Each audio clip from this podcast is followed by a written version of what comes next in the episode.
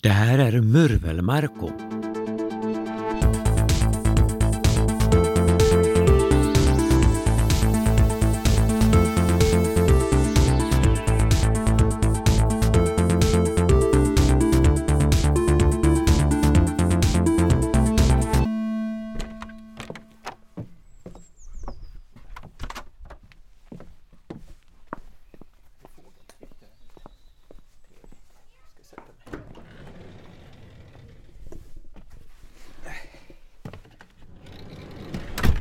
Sådär ja, nu har jag åter satt mig i bilen för bästa ljudstudion.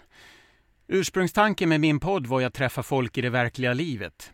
Liksom skildra den här själva nerven i mötet öga mot öga. Men så kom coronadraken flygandes över mänskligheten och social distansering gäller, liksom som nu, att hoppa in i bilen och spela in en karantänpodd. Men samtidigt så öppnar tekniken gränser. Ja, egentligen finns inga hinder. Jag hade planerat att träffa min nästa gäst i Helsingfors visserligen. Ja, det vore mycket trevligt. Men nu får han sitta kvar på sin utpost i öst medan jag sitter i karantän i Stockholm.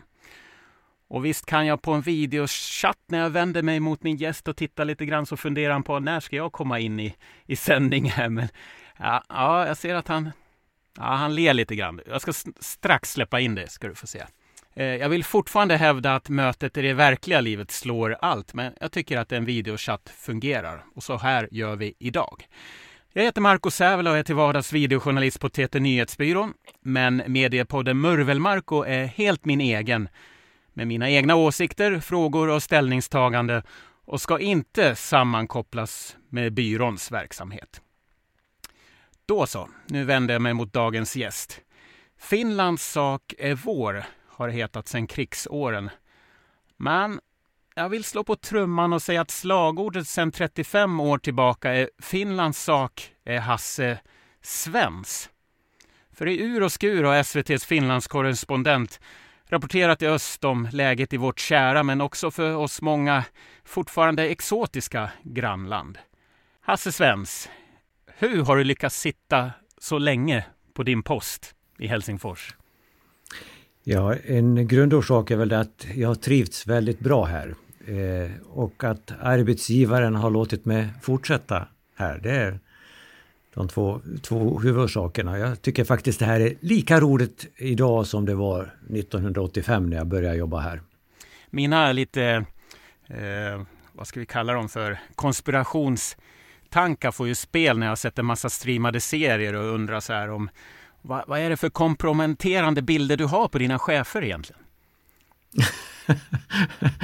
ja, du får fråga mina chefer. Så du sitter inte där med någon hållhake? Nej, jag gör inte det. Jag bara, jag bara, som en, jag är en gammal långdistanslöpare, så jag bara tuggar på. Du har suttit där i 35 år. Hur, hur kom det sig från första början att du hamnade i Helsingfors? Då 1985 så, så ringde jag på våren till eh, Ingmar Odlander som var rapportchef. Jag, jag jobbade då som, som sportansvarig på TVn i Falun och eh, eh, jag var intresserad av eh, att skulle jobba i Finland och min bättre hälft som hade jobbat eh, fem år i Sverige tyckte att det vore roligt att komma tillbaka till Finland för hon var härifrån. Så hon frågade om jag kunde börja jobba här och ett korrejobb i Finland skulle ju vara väldigt intressant. Det fanns ingen korretjänst men jag ringde till Ingmar och frågade om det fanns intresse för en, en stringer eh, som skulle jobba i Helsingfors. Och så hade som tur så att de hade haft ett, eh, ett ledningsgruppmöte två veckor före mitt samtal och konstaterat att de måste fixa, Rapport måste fixa Helsingfors på något sätt. Så att det tog bara, samtalet tog ett par minuter och så sa Ingmar Odlander åk. Mm. och på, på den vägen är det. Jag, det var liksom bara på försök och test. Jag fick tjänstledigt ifrån min, mitt arbete i Falun och eh, eh, det var bara ett litet försök. Men sen hände så mycket varje år, någonting och eh, jag fick chefernas stöd att fortsätta så då så, så, så blev det. Hur länge tänker du hålla på? Ja, jag, jag brukar säga att eh, jag är som gamla hockeyspelare och fotbollsspelare som så att säga, tar det liksom en säsong i taget, får vi se. Det, jag har inte satt upp några mål utan det, det rullar på. Mm. Bara sådär. Så länge man... Som sagt, som sagt var, jag tycker det här är så, så roligt så att det, det har, på sätt och vis har det här, det här jobbet har blivit mitt, mitt, min hobby, kan man säga. Hur träffade du din fru, om jag får vara lite privat? Eh, jag eh, var... Jag, hade, jag var faktiskt ingenjör från början och hade en... Jag jobbade på Stallavall eh, som beredningsingenjör i Ludvika och sen kom en semester. Jag funderade, vad ska jag göra på den här semestern? Jag hade varit året innan på en långresa och hälsat på min bror i, i USA och vi hade varit och tittat på olympiska spelen i Montreal och jag tänkte, äh, den här sommaren 77 eller 78 var det nu var, där, i alla fall så hade jag inga planer. Jag tänkte att jag ska ringa om jag frågar om de vill ha en sommarvikarie på, på Radiosporten, som det då hette, Sportradion, eller eh, Sportradion heter det då faktiskt. Radiosporten och eh, eh, ja, jag fick jobba, gärna jobba där under min månaderlånga semester. Och jag var aktiv friidrottare då så att jag tyckte att jag skulle kombinera den här med, med träning på Lidingö. Så jag, jag placerade mig på, på Lidingö i, under en månad. Och min bättre hälft var där på, hon studerade svenska, tyska på universitetet i Helsingfors. Och hon råkade vara på Lidingö då. Så att eh, ja, vi träffades där och eh, eh så blev det. Ja. jag, jag jobbade en månad på på eh, Sportradion och eh, sen åkte vi och, åkte till Helsingfors och hälsade på henne och så flyttade hon till, till Ludvika i fem år och sen bestämde vi oss för att flytta till Finland. Så blev det. Det är så roligt, jag är ju uppväxt i Smedbacken, grannkommunen till Ludvika och så, ja. så råkar du också ha rötterna där. Det är ju otroligt ja. roligt och spännande. Men du, fanns det något eh, med din fru, något, något finländskt som du föll för? Ja, alltså jag har mina rötter uppe i Österbotten. Så att mina, mina föräldrar kommer från, från Österbotten, från svenskbygderna där. Eh, och eh, jag faktiskt... Ett, jag var ett år gammal när familjen flyttade eh, till Ludvika. Jag fyllde ett år tydligen på tåget, sa min mamma. Mm. Eh, så att jag kom inte så mycket ihåg från den flytten. Men eh, jag har mina rötter så det var liksom inget främmande. Bara språket var främmande.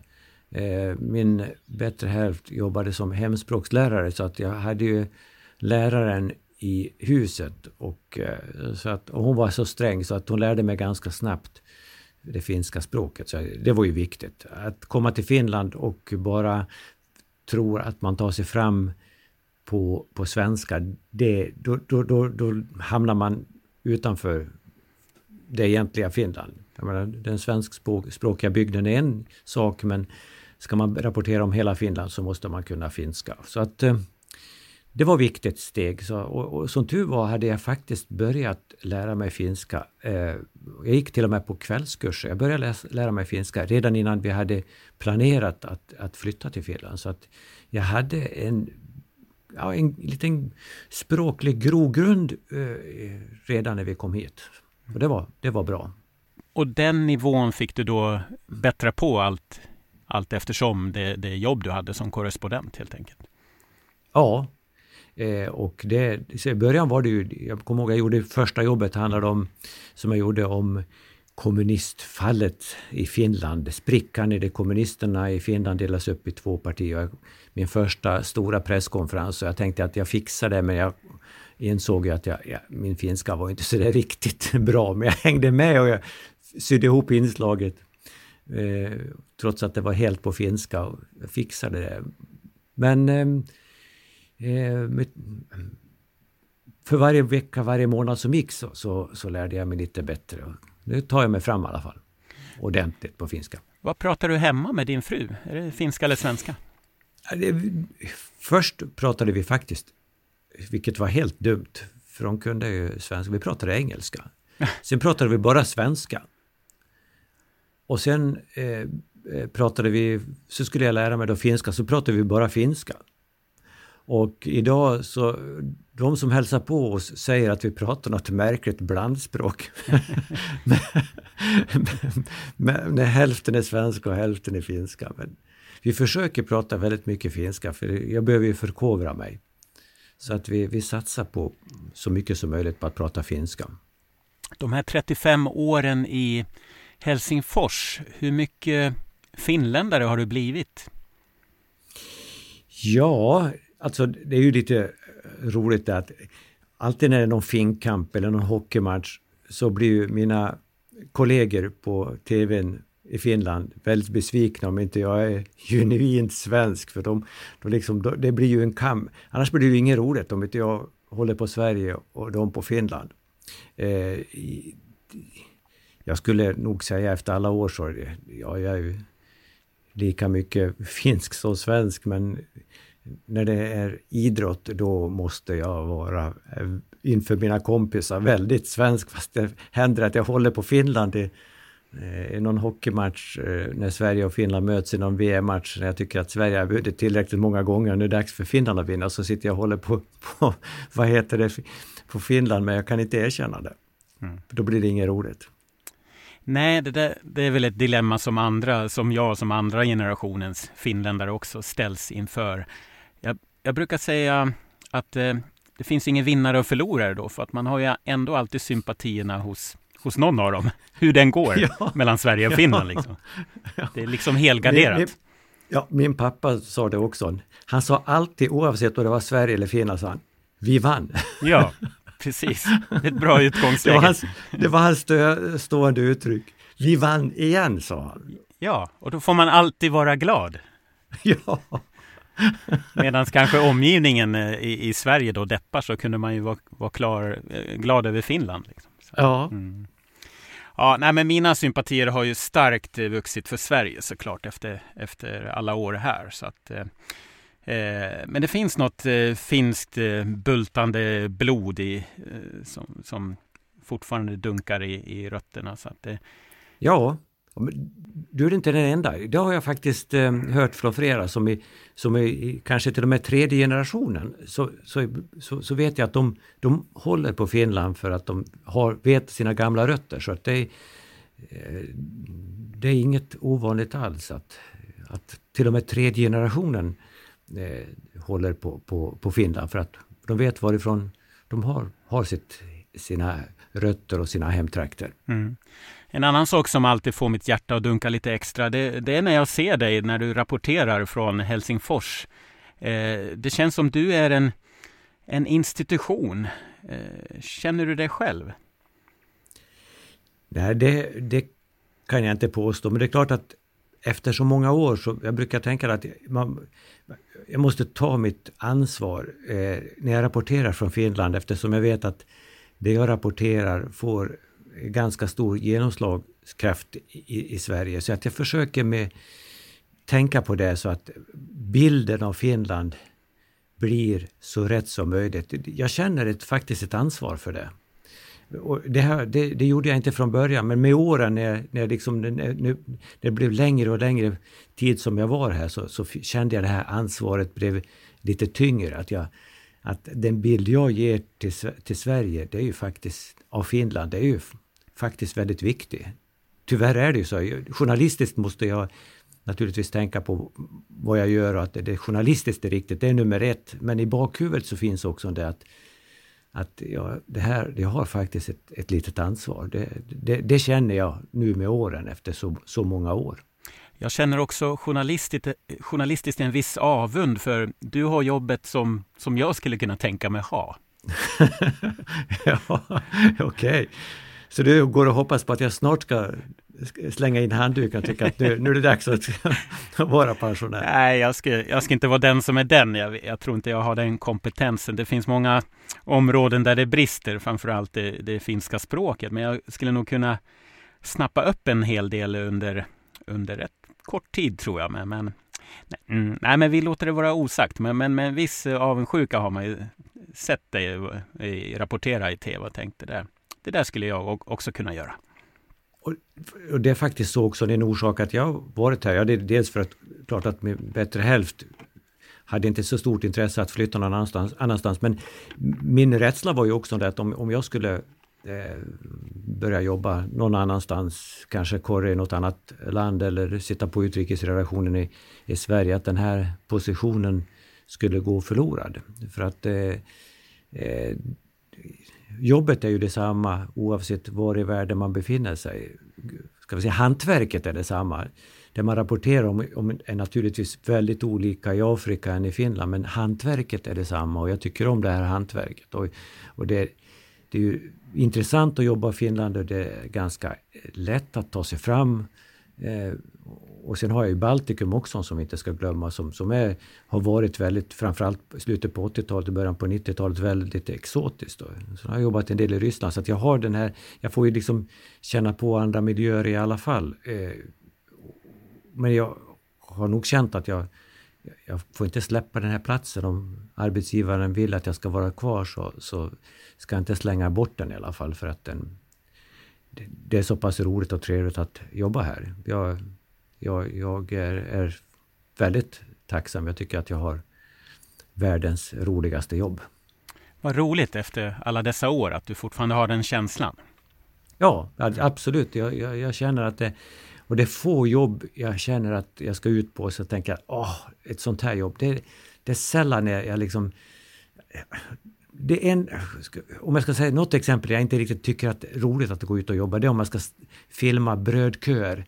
För jag vet att ingen gillar det. Alla vill slänga en, en gammal knäckebrödspaket i mitt huvud när jag står där med min kamera. Och det, jag känner alla eh, blickar mot mig, då är det inte roligt. Men det, det är få sådana jobb som jag känner att oj, det här, idag är det ingen rolig dag att eh, åka ut och jobba. Det, det händer väldigt sällan.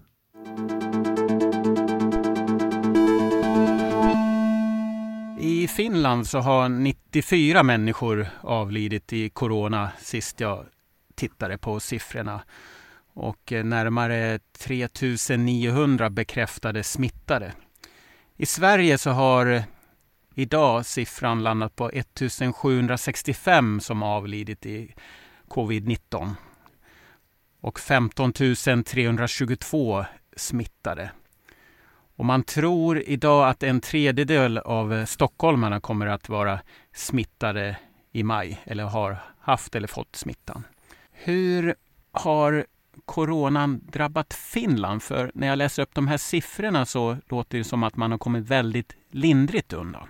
Ja, så här långt. Eh, Finland, eh, om vi jämför med övriga Norden så var ju Finland ute i ett väldigt tidigt skede med att införa tuffa restriktioner. Det var bara några få fall av corona, coronaviruset i Finland när man bestämde sig för, för att eh, 70-åringarna skulle hålla sig inne och man stängde bibliotek och idrottsanläggningar. Det, och, och max 10 personer skulle samlas och sen har det bara rullat, rullat på med stängda restauranger och barer och med stängda skolor. Finland har valt en tuff linje i kampen mot corona och eh, eh regeringen har sitt eh, väldigt stora stöd från folket. Folket gillar eh, eh regeringens tuffa tag och presidenten stöder det. Till och med oppositionen stöder Finlands linje, eh, regeringens linje. Eh, men det är klart att det, vi ser ju också att människor, är, om man hör det, människor är trötta eh, och det har ju sitt pris. Märker att alkoholkonsumtionen har ökat eh, Eh, och eh, våldet i hemmen har ökat. Eh, men man har sparat liv så här långt. Vi vet inte slutresultatet. Det finns ju de som säger att på det här sättet så har bara Finland förlängt och fördröjt plågan. Men Finland vet, vet att man gör det, men man har varit väldigt måna om att alla som blir sjuka ska få plats på akuten och man ska inte behöva vårdas i något tält ute på gården. Man ska vårdas inne och få hjälp eh, Eh, i en akutmottagning inne på lasarettet av kunnig personal och med bästa tänkbara utrustning. Och så här långt har man lyckats bra. Jag tror att det har varit max 80 personer på på akuten och jag tror att ja, just nu så finns det 500 akutplatser i Finland. Jag tror att man kan höja det upp, till och med upp till 1000 akutplatser. Man har god marginal och eh, till och med forskarna här i landet är överraskade över att, att Finland har drabbats så här lite. Men det här är inte slut. Det kommer en andra våg, det kommer en tredje, kanske en fjärde våg. Och eh, beroende på när vi får vaccinet Först när, när det här kriget är över så vet vi vem av krigsherrarna som valt den bästa taktiken. Det kan ju hända att priset i Finland blir väldigt högt. Ekonomiskt kommer det här att kosta väldigt mycket för Finland. Men hur många dödssiffror har, hur stora är dödssiffrorna om ett år i Finland? Och hur stora är de i Sverige om ett år? Då har vi facit på vem som har handlat rätt. Men så här långt har Finland handlat rätt, absolut. För alla får vård i det här landet och, eh, och, och regeringen har sitt stöd för det här. Så okej, okay, varför ska man inte göra så här då? Apropå krigsretoriken du nämnde där. Herregud, finländarna har ju varit med om två världskrig. Liksom. Eh, mm. Tycker du att, eller tror du att man tacklar coronan och eh, den epidemin annorlunda än kanske svensken gör? Absolut. Finland är vana med, med att hantera krissituationer och man har lärt sig med krigen att man måste vara, ja, man, liksom, man får inte sitta och vänta, man måste agera och slå i överläge eh, om man har chans och inte vänta på att man hamnar i underläge. Det finns liksom i, i den finländska mentaliteten det här eh, sisun att man ska mm, kämpa på, man ska, det, här, det här ska vi fixa. Eh, det här är en fight som vi ska vinna. Och, och det känner jag liksom när man hör regeringen också det här och presidenten. Det här ska vi fixa. Man bryr sig inte så mycket om ekonomin. Presidenten sa ju det att den ekonomiska eh, de ekonomiska problemen, de kan vi ta itu med när vi har vunnit eh, kampen mot eh, mot corona. För att liv eh, kan vi inte rädda i efterhand men den ekonomiska krisen kan vi alltid på ett eller annat sätt fixa och ekonomin återhämtar sig alltid men förlorade liv kan vi aldrig återhämta. Så att eh, Finland har haft en lite annan inställning från, direkt från början och eh, det ser man också på media, i media. Det är inte bara regeringen som pratar mer om folks hälsa än ekonomi. Det är också en, Eh, i, i radio och tidningar så handlar det väldigt mycket om vård och, och vårdfrågor och väldigt lite om ekonomi. Om än Finland natur, naturligtvis pumpar in pengar och, och, och, satsar på att företagen inte ska gå i konkurs. Men det, det får inte lika stort utrymme som i Sverige. Absolut inte. I Sverige så har ju det växt fram en galjonsfigur i, i den här corona epidemin. Jag tänker på Folkhälsomyndighetens statsepidemiolog, svårt ord det, Anders Tegnell som nästan, jag skulle säga dyrkas av vissa för att han är lugn och sansad, har ett stort tålamod och lyckas förklara de flesta frågor han får. Finns det en liknande gestalt i Finland? I Finland är det flera gestalter och precis, ska vi säga så att det inte blir något missförstånd, de här tuffa reglerna eh, fattar inte regeringen bara på eget bevåg eh, utan alla de här besluten som regeringen i Finland har fattat, det är med eh, har så att säga en, en bakgrund hos experter, hos forskare, Eh, den finländska medicinalstyrelsen, eh, THL. Eh, och, och, så att man följer den noga, men det är flera personer som, som ställer upp och eh, blir intervjuade. Så att det finns några som är ofta med, men, men inte på samma sätt som Tegnell i Sverige har vi. Vi har ingen så stark person, personifierad gestalt i kampen mot corona som, som i Sverige. När det är kris så träder oftast i Sverige fram en så kallad landsfader. Det kan vara kungen som håller ett tal eller Stefan Löfven som ja, håller dagligen presskonferenser om eh, åtgärder och restriktioner och så vidare.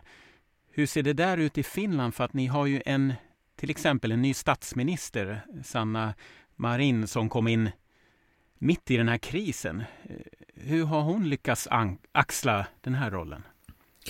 Ja, eh, de undersökningar som har gjorts eh, visar ju att hon har ett väldigt brett stöd och att hon har lyckats lyfta Socialdemokraterna på ett halvår från 16 upp till, till 21 procent, så att ett lyft på 4-5 procent. Och så att Socialdemokraterna är nu Finlands största parti. Och det är det har väldigt mycket handlat om, om eh, Sanna Marin och om president Sauli Niinistö. De två är det framförallt som, som har förekommit eh, och som folk lyssnar på mest.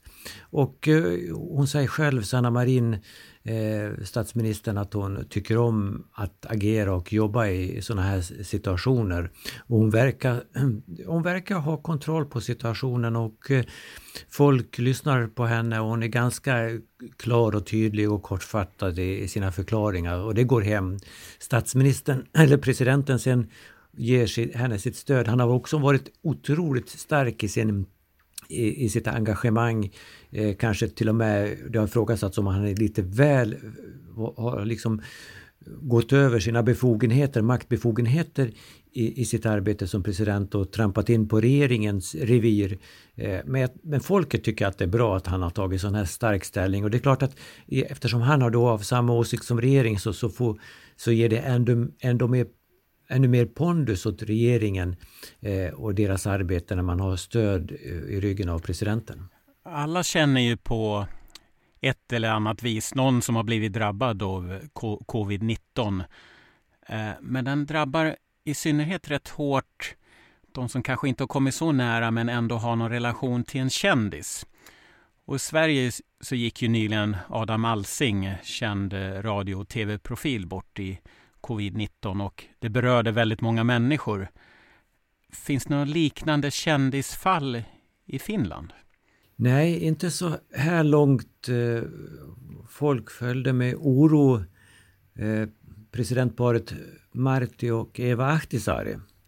Eh, Martti Ahtisaari som var president här i Finland och som fick Nobels fredspris. Båda drabbades av viruset men klara sig. Det, det fick stor uppmärksamhet. Eh, och, eh, men i övrigt så, det är så få, det är en företagsledare i Finland eh, som, som, som drabbas men inte så stor profil eh, som i Sverige. Och det är ju så få fall, dödsfall så att det, de, risken är ju stor att de profilerna dyker upp längre fram men än så länge inte.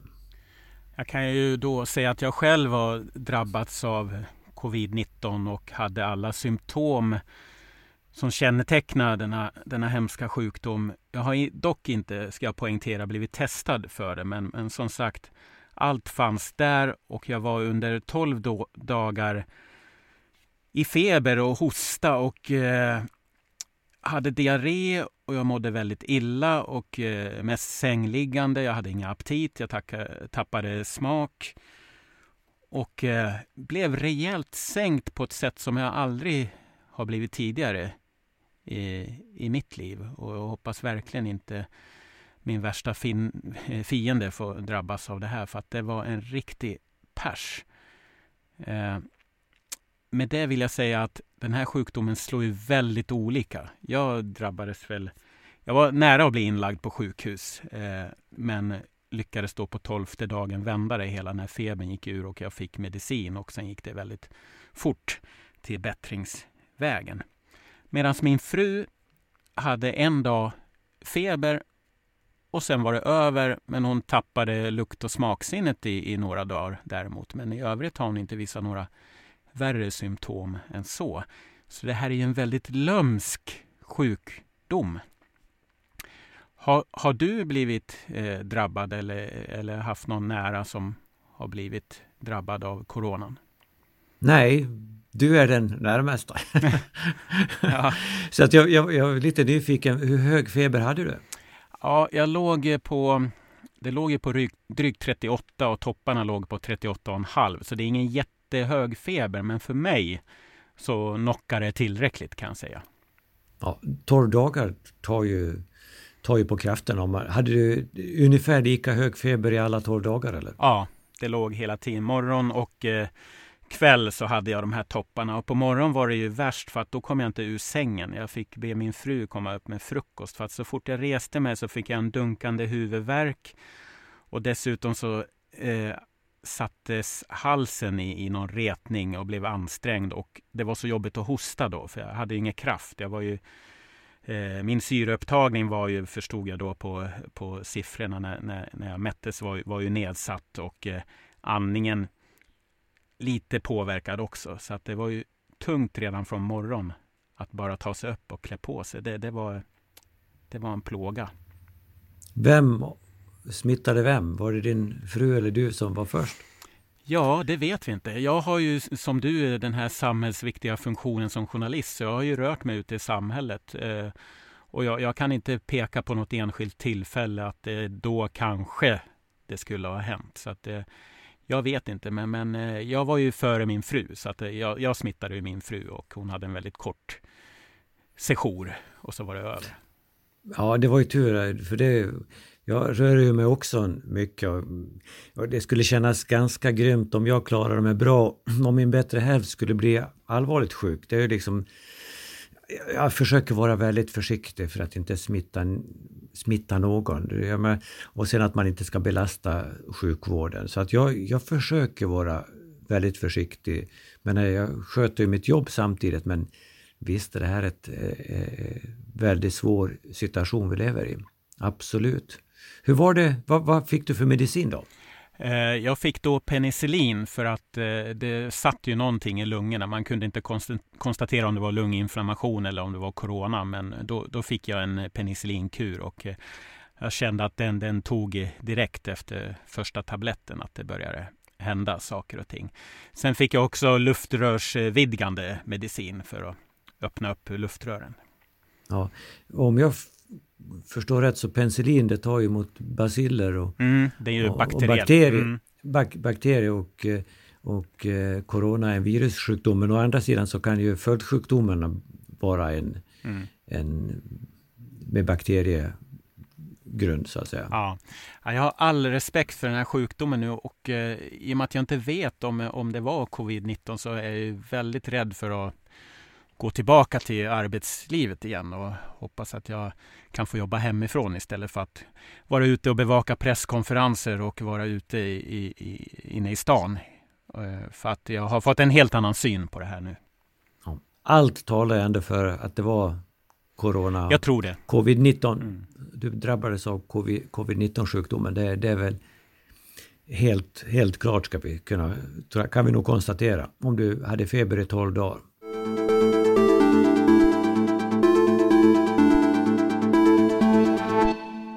tänkte i den här delen av podden att vi skulle prata lite grann av eh, eh, hur det är att vara korre men också lite grann av att man inte har sett det så mycket i, i andra medier förutom vid de tillfällen det har handlat om dopning och eh, skiddopning, alltså i längdskidåkning. Då har du verkligen fått synas. Du var ju uppmärksammad i samband med eh, eh, Uppdrag gransknings eh, program Blodracet för många år sedan eh, då det avslöjades att det fanns många skidåkare med höjda blodvärden och ni hade kommit över en, en databas och kunde avslöja det här. Och det var du och eh, reporter Magnus eh, Svenungsson. Och det blev ett följdreportage senare med skidåkarnas hemliga blodvärden.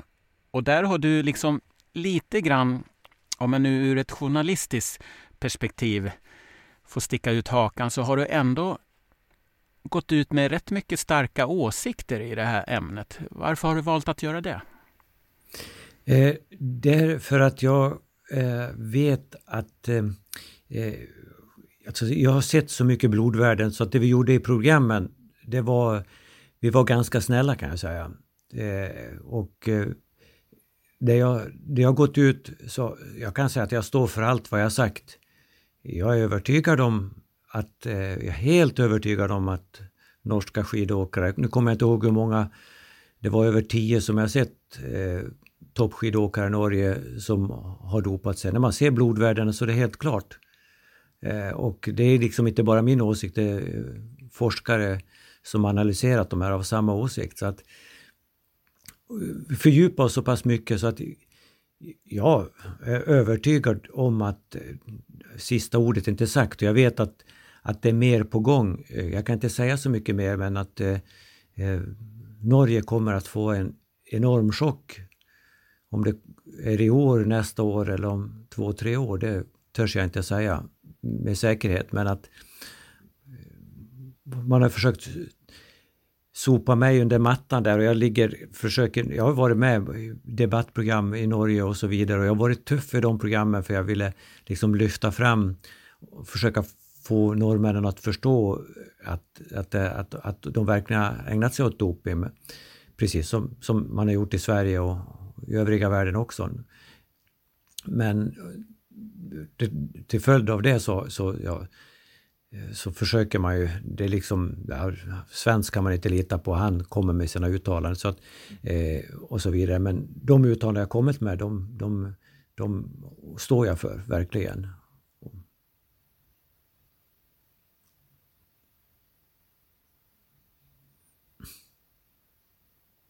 Ja, vi gjorde programmet och eh, jag tycker att jag eh, vi, vi, märkte det också, det första programmet var vi mer tuffa. Vi gick ut med, med namn.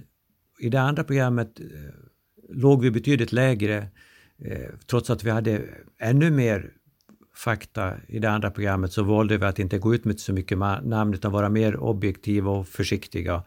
Men det visade sig att det programmet fick ju inte samma uppmärksamhet trots att vi hade, och jag har fortfarande i min dator 5000 blodvärden. Eh, så att det, det gav inte den uppmärksamheten. Man måste vara tuff och eh, gå ut och vara eh, hård eh, för att det ska få uppmärksamhet. Annars så, så faller det mellan stolarna. Och jag, jag tycker att det här är så viktigt att, att alla förstår att det här är inte bara någon nation. Vi vet att Ryssland har varit värre än, än andra. Vi vet att Finland under perioder har, har varit värre. Men eh, ska vi säga på, på 90-talet så var alla lika dåliga. Norrmännen var precis lika dåliga och hemska på, på doping som, som, alla, som alla andra. Det ser man. Det är så, så tydligt och klart. Att inte de har åkt fast beror helt enkelt på det att det är så otroligt svårt att eh, fånga eh, EPO. Man måste vara liksom nästan inom några timmar bara efter att de har tagit EPO så att chansen att åka fast är så liten. Eh, den, är, den var enormt liten. Man kunde eh, och, och, och vi, jag har sett blodvärden på åkare som, ja, det är ju liksom, det har varit på gränsen att de, de har överlevt. Smirnov till exempel, han hade ju blodvärden som, som var liksom på gränsen att han, han skulle ha kunnat kolla vippen med de, de, de blodvärdena. Det här ställningstagandet som du har valt, eh, hur har det påverkat ditt anseende som, som journalist? Jag tror inte att Ja, det, det, det, är en fråga du ska ställa åt andra, men jag hoppas verkligen inte att, att det eh, har påverkat. Och jag ändå jobbar ju med som allmän reporter. Det här, jag har jobbat som sportreporter och eh, jobbar fortfarande men jag, jag tycker att, det, att eh, sporten ligger lite grann ändå utanför mitt dagliga journalistiska arbete. Därför vågade jag, vågar jag ta den här tuffa linjen när det gäller doping för att det är inte, liksom, det, är inte det jag sysslar med varje dag. Skulle jag jobba som sportreporter på heltid på TV-sporten så skulle jag nog kanske ha valt en, en lite lägre profil. Absolut, för det, då, jag skulle annars ha svårt att, att jobba till exempel, eh, kunna åka ut på någon skidtävling och intervjua normen om jag hade valt den här tuffa linjen då. Det, det hade inte hållit. Men i, i, min nuvarande roll som korrespondent eh, så tycker jag att, att jag kan välja den här linjen och sen eh, så, så kan jag också, när jag har den här linjen, kan jag ändå kommentera eh, och, och, och de här sakerna i, i våra sändningar. Absolut, för jag tror att man, vi behöver våra sändningar och, och idrottsvärlden behöver någon som, som vågar sticka fram hakan för det här är ett så enormt stort problem och det är inte över, det fortsätter och det blir värre och jag tycker att eh, sportjournalistiken är alldeles för, för tam. Du, du pratade om det tidigare, att det kommer mer avslöjanden. Va, vad är det du sitter på? Jag ska säga att jag sitter inte på så hemskt mycket. Jag vet, jag vet att andra sitter på väldigt mycket. Och det är inget mer du kan säga i ämnet? Nej, det, och därför kan jag vara så tuff, för jag vet vad, vad andra sitter på. jag bara väntar på när det ska explodera. Hur ofta är du hemma i Sverige? I, alldeles för lite. En, en två gånger om året. Nu när min mamma har gått bort så, så då var det mer när hon levde. Så att, eh, nu, min bror bor i Ludvika så vi hälsar på varandra. Han hälsar på mig här och med sin familj och jag hälsar på där ibland. Men att eh, lite för lite blir det. Så man kan se det på gatorna i, i Ludvika någon gång om året? Någon, en gång om året ungefär högst. Trevligt, trevligt. Ja. Det, det här korrelivet, eh, jag ser ju framför mig att det är ett slags eh, Indiana Jones-flackande eh, liv där du måste lämna ett, en middagssammankomst för att du får ett samtal om att det har hänt ditten datten. Är det så?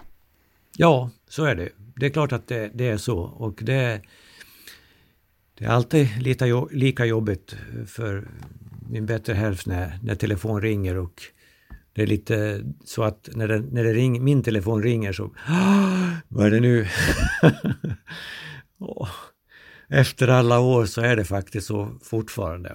Och under, under eh, den baltiska självständighetskampen så var det ju var det ju tufft. Eh, telefon kunde ringa och så var det en resa som man trodde skulle vara på två, tre dagar och så var det två, tre veckor och sådär. Så att det, det, det är klart att nu, nu är det inte lika, lika mm, intensivt som det var då under många år. Men det händer ju att, att, att det är det. Men jag brukar säga att de här senaste åren har det varit lite lugnare. Men jag brukar säga att tur att eh, Trump inte var finne. Ja, men, det kan man verkligen säga. Men, men eh, hur påverkar det här ditt privatliv? Du var inne på det. Kan, kan du någonsin slappna av? Jo, jag, jag har inga problem. Alltså jag, jag känner att när jag har gjort mitt jobb så känns det som att jag är, jag är ledig en månad framöver. Jag, jag liksom, det, det berör mig ingenting. Alltså att det, jag tror man skulle nog inte kunna ha det jobbet om, om det liksom... Det är många som har frågat mig att hur kan jag stå ut med att liksom vara ha jour 24 timmar om dygnet, eh, sju dagar i veckan, 365 dagar om året. När vi är här och vi inte är ute och reser naturligtvis, då kan man inte göra någonting. Det, det kan ju hända om man reser att det händer någonting där. Det har det, har det gjort. att var i England, i London en vecka och det hände massor. Och det var på den tiden det inte fanns mobiltelefon så att när jag kom från ett jobb efter tre eller fyra dagar så, så sa man på hotellet att Mr Svensk, you're not living here anymore. Va? Du, jag bodde inte på det hotellet längre. Så att jag frågade, ja, ja men var, var bor jag om jag inte bor här? Så då berättade de att min, jag hade fått ett meddelande av min hustru, jag hade flyttat till ett grannhotell. Och orsaken var att, att att det skulle ringa och hon tyckte efter tre, fyra dagar, hade inte så många dagar av semestern kvar, så, så hade de bytt hotell. Jobbet inte visste var jag bodde någonstans. Jag noterar också att du gör ju verkligen ett solorace. För andra korrespondenter ser man ju oftast har en fotograf med sig och på den gamla goda tiden även kanske till och med en ljudkille. Men, men du gör allting. Du filmar och intervjuar och klipper och, och skickar iväg inslagen. Ja, ja jag tycker det är roligt. Alltså jag, eh, när jag började så var vi ett team på i stort sett fyra, fem man. Eh, det var elektriker och det var alltså ljud och elektriker. Så det var alltså, den som tog ljudet. Alltså ljus och elektriker, det var en och så var det ljudet och så var det fotograf och det var oftast var det någon skripta med eller chaufför. Och, så att vi var, ett, vi var fyra, fem man i, i bilen. Och idag så reser jag och gör allt själv. Jag har gjort det sedan 20, 2001. Så det är nästan 20 år jag har hållit på med. Och, och det gör man inte om man inte tycker det är roligt. Jag, jag, jag skulle inte... Jag skulle, om någon skulle ta i, och säga att du får inte ha den här kameran med och dra. Jag skulle, jag skulle gråta efter den. Jag tycker det är så roligt att filma och få göra sitt eget hantverk. Jag, jag gillar det verkligen. Att, och skulle jag inte göra det så skulle jag inte fortsätta med det.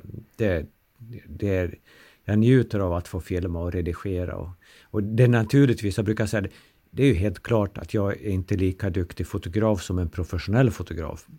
Jag är inte lika duktig redigerare som en professionell redigerare. Men jag är en bättre fotograf och jag är en bättre redigerare än en trött fotograf, ointresserad fotograf eller en trött, ointresserad redigerare. Jag vill inte påstå att man är det, men det händer, händer ofta då när man eh, beställde en fotograf som var inne på sitt femte jobb och skulle göra det sjätte eh, senare och liksom snabbt ville få undan jobbet och så kom man in på Yle och en redigerare som hade sett och klippt hela dagen och sa Vad vill du ha? Och liksom, ah, vadå? Vad måste vi göra om det här? Och så, där. så var helt trött. Men jag förstår, det är inte så att jag, jag förstår dem att de har varit trötta och, och då blir slutresultatet inte lika bra som jag engagerad eh, och, eh, och kanske jag ser till att jag har gott om tid om jag har möjlighet till det och jobba med det och satsa på redigeringar, satsa på, på fotot, tar många bilder och att se, se till att jag har någonting bra. Och då blir slutresultatet, vill jag påstå, bättre än, än en professionellt team. Är du lite av en kontrollmänniska också? Ja, det är klart att jag... Det ofta så när jag gör någonting, jag vill göra allt själv. Det är lite så att jag vill ha kontroll över allt och jag vill... Eh, jag gör väldigt mycket själv. Det gäller... Ska man bygga en sommarstuga så vill jag ha kontroll och Trots att jag lovade min bättre hälft, den här gången ska jag inte vara med. Vi, vi, vi, vi låter någon annan fixa det så är, är, då kliar det i mina fingrar. Jag ska vara med och göra elarbeten och vatten och avlopp och spika och, och taket och grunden. Och så, så jag är ändå med hela vägen i stort sett för att jag tycker, jag vill ha kontroll på det så tycker jag det är roligt. Jag kan känna när jag, apropå att ha projekt hemma, att jag har blivit så påverkad av mitt jobb som är väldigt stressigt och eh, när man påbörjar ett jobb så ska man också avsluta det. Helst in, inom en timme eller så. Ja. Och det gör att alla hemmaprojekt blir väldigt lidande för att jag kan inte ha ett månadslångt projekt hemma för att eh, när jag sätter igång då vill jag gärna också avsluta det när, när jag väl är färdig. Ja, jag har drabbats genom åren naturligtvis lite grann av samma sjukdom. Men eh, klart dokumentärprogram till exempel som jag har gjort. Och det känns tungt när man ska gå och tänka på ett, eh, ett dokumentärprogram eh, i flera månader. Det, det känns betungande när man ska tänka på det här var nästa intervju, nästa, vad är det för bild, hur ska jag klippa det här sen när jag sitter, liksom det nöter i skallen och det är samma med ett byggprojekt. Jag försöker också, jag gör inte allt själv utan jag, om det är något, något projekt som är på gång då försöker, försöker jag få, få det snabbt undan och tar in utomstående folk men jag vill vara gärna med och, och, och, och fingra lite själv också. Men jag vill också ha det snabbt gjort. Och det som är skönt med det här jobbet, man, man går ut på morgonen, jobbar intensivt och på kvällen när det har sänds så är allt historia. Mm. Apropå bygga, vad har du för andra intressen privat? Jag, jag tycker, jag är gammal idrottsman ehm, så att jag tycker om att och eh, röra mig i naturen och jag eh, tycker om att... Jag är dålig skidåkare. Jag försökte också med skidåkning, men jag är dålig skidåkare. Men jag tycker om att åka skidor. Vi åker gärna ut och åker skidor. Och när folk åter, åker på vintern söderut så försöker vi sikta in oss på en vacker vecka uppe i Lappland. När våren börjar komma så då letar vi efter snö och mycket snö och, och fint skidföre. Eh, så att eh, det är en hobby. Och sen eh, ute, åker, ute på båt, med båt, åker ute på hav, tycker om havet. Fiskar väldigt lite, men lite grann fiske också. Men, men det, det, det är jag dålig på. Ska vi byta ämne för sista gången?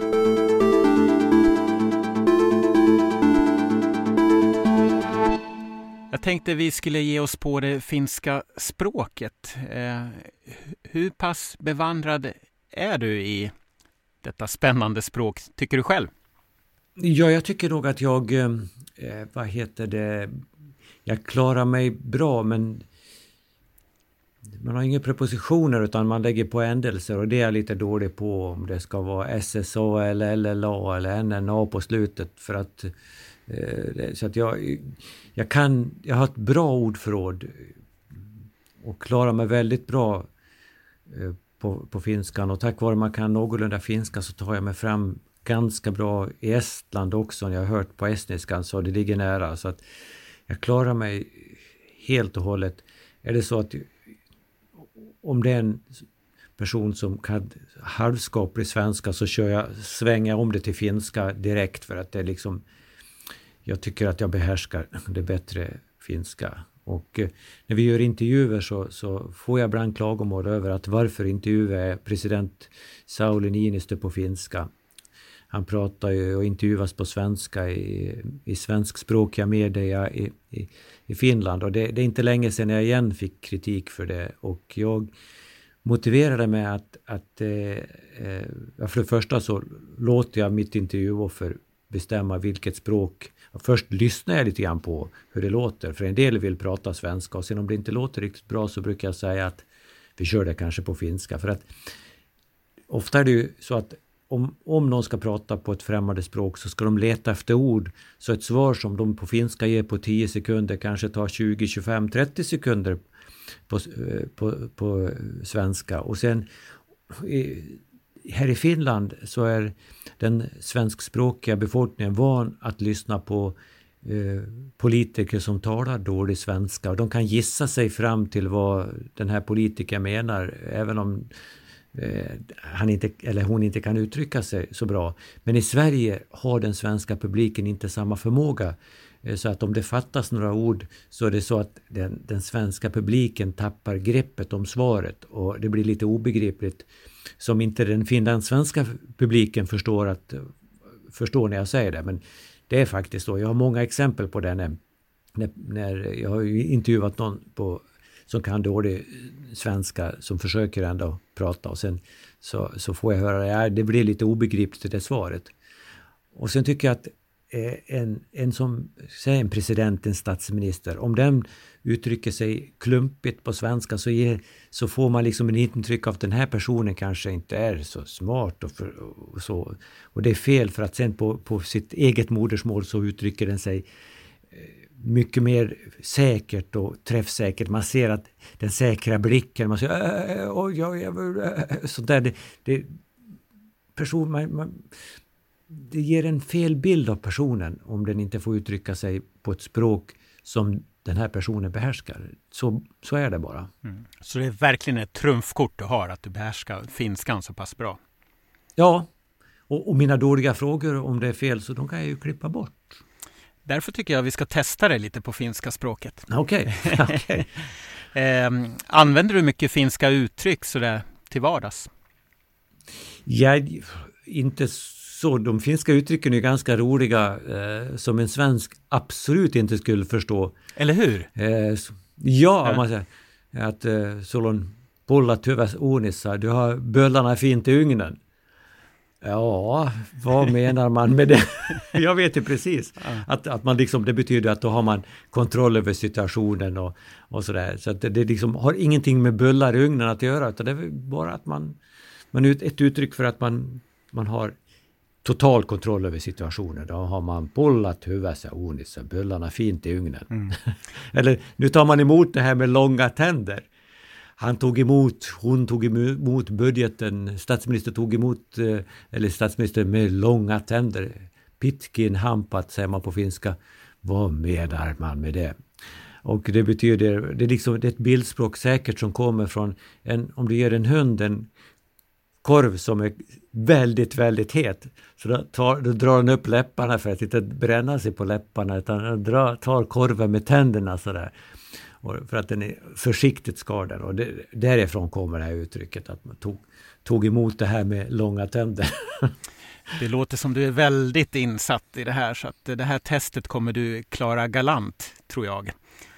Eh, för de eh, svenska lyssnare så ska vi försöka hjälpa er på traven och översätta det här så, så mycket vi bara kan så blir det lite lättare. För oss tvåspråkiga så blir det här en njutningsbar resa i det finska språket. Christian Bertell, journalist i Helsingfors. Jag har vänt mig till dig för att vi ska kunna sätta Hasse Svens på prov när det gäller finska talesätt och ordspråk. Tror du att det blir lätt? Ja, eh, jag har ju förstått att eh, Hasse har gift sig med en finsk kvinna. Jag vet inte om hon har eh, hjälpt honom genom åren att förstå olika talesätt. Det kan ju hända då man träffar släkten att man är illa tvungen kanske att lära sig sådana saker. Uh, idiom och sånt kan ju bli kluriga eh, om man inte förstår liksom eh, språkkontexten och sådär. Det räcker kanske inte alltid att man bara kan finska, man måste kunna också eh, de här olika färgerna av finskan, så att säga.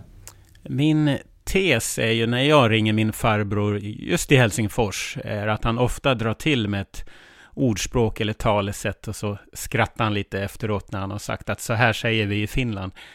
Tror du att det är vanligare i Finland än i, i Sverige? Jag har funderat på det där. Man säger ju det att eh, uh, finska, när man väl lär känna till språket, att det är väldigt uh, mångsidigt och färggrant och sådär. Nu har ju jag också svenskan. Uh, jag är ju från en tvåspråkig familj. Um, jag tycker det finns nog i svenska, men man kanske har tappat det lite grann. Speciellt om man har bott i flera generationer i en urban miljö. Där kan ju finnas förstås slangen och så här som kommer in med lite bonus. Men den här liksom, det här som känns kanske lite sådär lantligt och sådär eh, som har en lång historia bakom sig. Så, så den, speciellt om man har bott i Stockholmsområdet jättelänge kan jag tänka mig att det känns som att det, det finns långt borta. Men jag vet inte hur man upplever samma sak i till exempel Småland. Kanske man har det där idiomen i daglig användning där på svenska som, som är just väldigt typiska för just eh, svenskan eller Småland då, i så fall. Men eh, jag vet att min fru brukar till exempel eh, ibland använda sådana här lite roliga uh, talesätt på finska sådär plötsligt i en mening. Eh, så, så det här, eh, om man inte kan det där så för, förstår, förstår man inte alls vad hon menar. Även om man kan finska. Ja, det finns ju många svenska talesätt. Eh, allt från att inte ropa hej förrän man hoppar över bäcken till eh, köpa grisen i säcken och så vidare. Så att jag tror att det finns många finska uttryck som man kan applicera till, till svenska. Då. Ska vi köra igång? Den här går under denna vignetten. Tämä sopii kuin nyrkki silmään. Bättre med tre finska talsätt i podden än tio i skogen.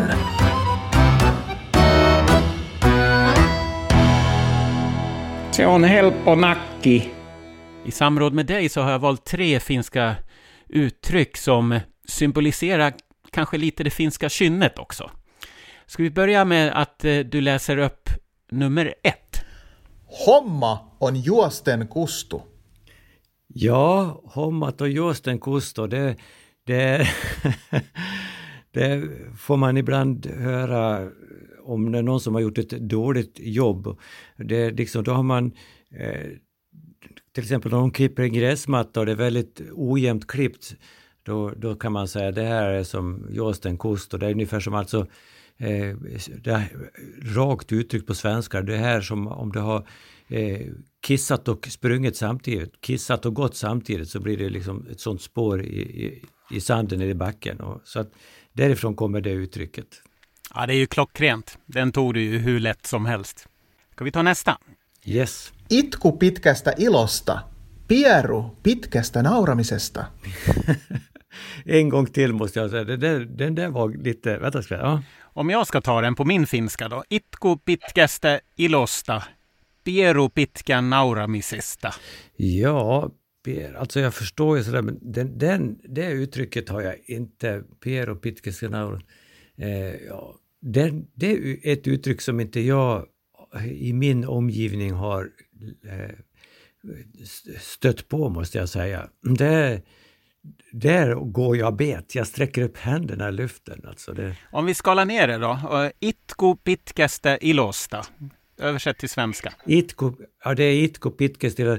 Gråt är en, en gråt är en lång glädje. Ja. Eh, Pero pitka nauramisista. Ja, en fjärt är en, ett långt skratt. Ja, följer ett långt skratt ja. ja. Mer eller mindre så betyder det att man eh, inte, så, inte ska glädjas allt för länge för snart blir det ändå sämre. Ja, okej. Okay. Ja, ja. Det är väl sum, summa summarum. Ja, ja men du, du fick mig på gaffe. Här kommer trean. Nyt otti ohraleipää. Tai kävi aika ohrasesti. Ja, nu, nu tog du ett eh, år alltså, en sån här eh, ha, inte havre, det havrelöpare, det gick, åt, det gick ganska åt, åt havret. Alltså det, det, alltså det är ungefär som man, nu, nu gjorde du någonting som, som inte gick så du, du, du, tog en lott som, som var någonting av en nitlott eller så kan man översätta det som. Ja, fast du har fel eh, sädesslag här. Ja, sädeslaget är fel. Åra, jag letar efter åra. Det är ko, vad är det? År, åra, ko, det är... Kon, ja. Kon, ja. Ja, alltså om, om vi bryter ner det här eh, talesättet igen. Nytt, nytt 80 åra leipä. Det är alltså... Ja, nu tog du ett kornbröd. Ja, precis. Eh, och sen la han till en annan användandet av det ordet. Kävi ora, oraseisti, alltså det gick konigt kan man väl ja, översätta det. Gick konigt, ja. ja, alltså no någonting har gått på tok. Och, och, och, här har vi ju någonting som går långt tillbaka i tiden, antar jag, att man brukade odla kon ifall rågskörden misslyckades. Och, och kon ansågs ju då bli ett sämre bröd jämfört med, med råg, till exempel. Ja, det är också ett uttryck som inte så, så ofta ja, någon gång för det är sånt där, inte så hemskt ofta stöter på. Absolut inte. Det finns ju så enormt många sådana här i Finland och i, på finska så att man, ja. Har du något favorituttryck sådär spontant? Ja, man brukar säga så här till exempel. Eh, eh, no, täältä pyyhkittään, eller härifrån, det är liksom om man börjar ett jobb så säger man härifrån börjas det, men rakt översatt så betyder det att härifrån tvättas det.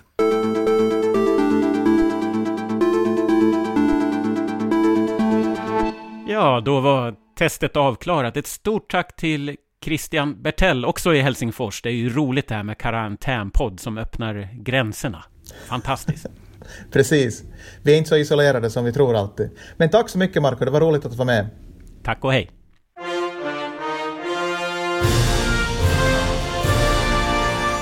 Ja, vi har lärt oss otroligt mycket idag av dig och det bugar vi och tackar vi verkligen för. Och jag tror även vanliga svenskar också har fått med sig en hel del i bagaget efter eh, det här samtalet. Hoppas så. Det har varit en stor ära, Hasse Svens. Eh, vad har du på G just nu? Har, har du något du kan förtälla?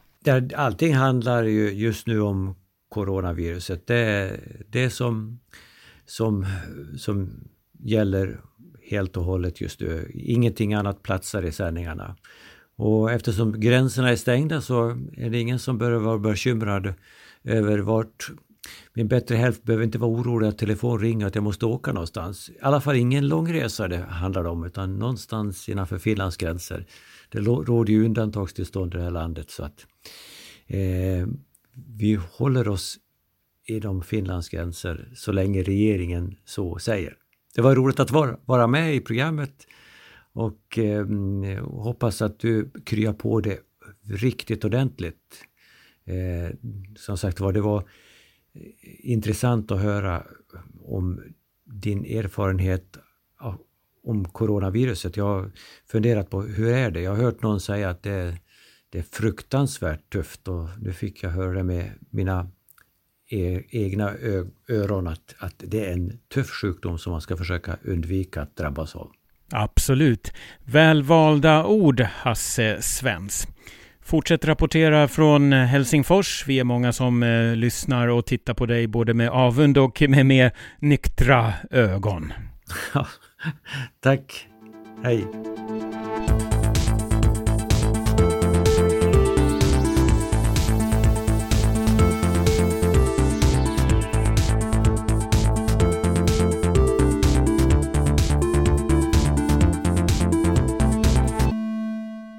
Marco var producerad av mig, Marco Sävele. Vignettmusiken som alltid av artisten Emmon. Och finska nationalsången var hämtad ur Epidemic Sounds arkiv. Nästa gäst. Ja, jag har stora förhoppningar om att det blir en kvinnlig sportjournalist.